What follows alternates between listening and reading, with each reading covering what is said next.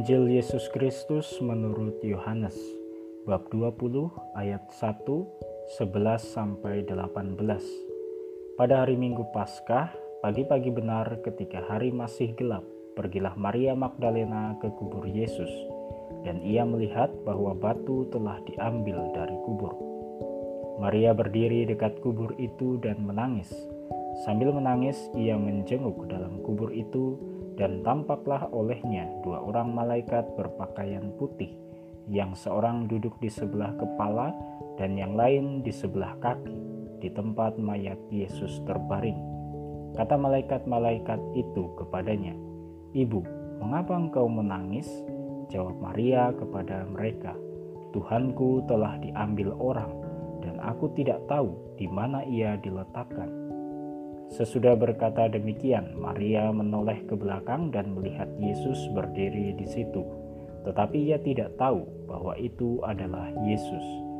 Kata Yesus kepadanya, "Ibu, mengapa engkau menangis? Siapakah yang engkau cari?" Maria menyangka orang itu adalah penunggu taman, maka ia berkata kepadanya, "Tuan, Jikalau Tuhan yang mengambil dia, katakanlah kepadaku di mana Tuhan meletakkan dia, supaya aku dapat mengambilnya. Kata Yesus kepadanya, Maria. Maria berpaling dan berkata kepadanya dalam bahasa Ibrani, Rabuni, artinya guru. Kata Yesus kepadanya, Janganlah engkau memegang aku, sebab aku belum pergi kepada Bapa, tetapi pergilah kepada saudara-saudaraku dan katakanlah kepada mereka bahwa sekarang aku akan pergi kepada Bapakku dan Bapamu, kepada Allahku dan Allahmu. Maria Magdalena pergi dan berkata kepada murid-murid, Aku telah melihat Tuhan, dan juga bahwa Tuhanlah yang mengatakan hal-hal itu kepadanya. Demikianlah Injil Tuhan. Terpujilah Kristus. Para pendengar yang terkasih, Tanggal 22 Juli merupakan hari peringatan Santa Maria Magdalena. Tentunya kita tidak asing dengan nama itu. Santa Maria Magdalena adalah seorang wanita yang pernah mengalami mujizat Yesus secara langsung di mana Yesus mengusir tujuh roh jahat yang merasuki diri Maria Magdalena. Bacaan Injil Yohanes bab 20 ayat 1, 11 sampai 18 mengisahkan tentang Maria Magdalena dalam relasinya dengan Yesus. Maria Magdalena senantiasa turut serta dalam perjalanan Yesus bahkan sampai dengan kematian Yesus di salib. Maria Magdalena menjadi salah seorang yang menyaksikan peristiwa tersebut. Tak hanya sampai di situ saja, Maria Magdalena juga menjadi saksi pertama dari sebuah kubur yang kosong, sebuah tanda lahiriah dari kebangkitan Yesus. Maria Magdalena juga adalah orang pertama yang melihat penampakan Tuhan bangkit.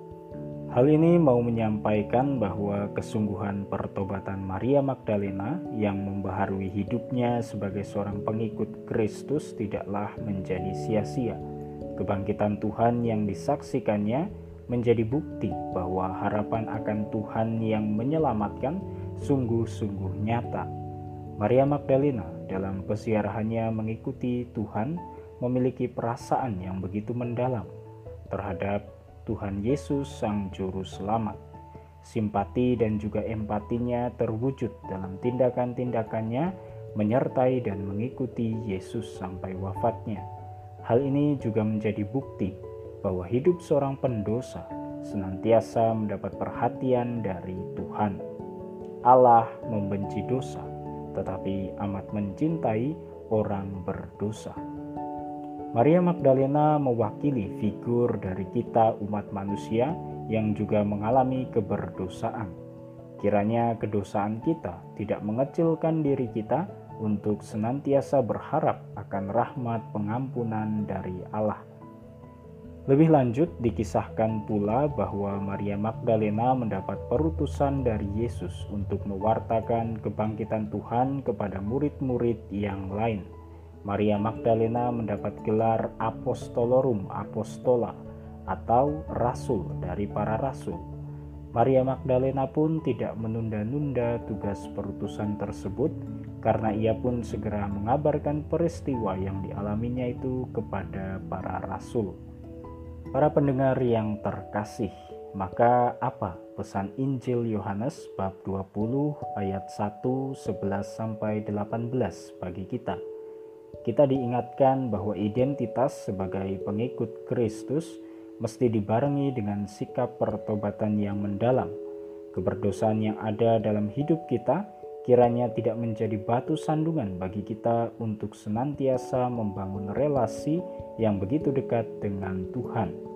Meskipun dalam Injil juga dikisahkan bagaimana sulitnya para rasul menerima kesaksian dari Maria Magdalena, kiranya memacu kita pula untuk tidak pernah menyerah dalam mewartakan iman akan Kristus.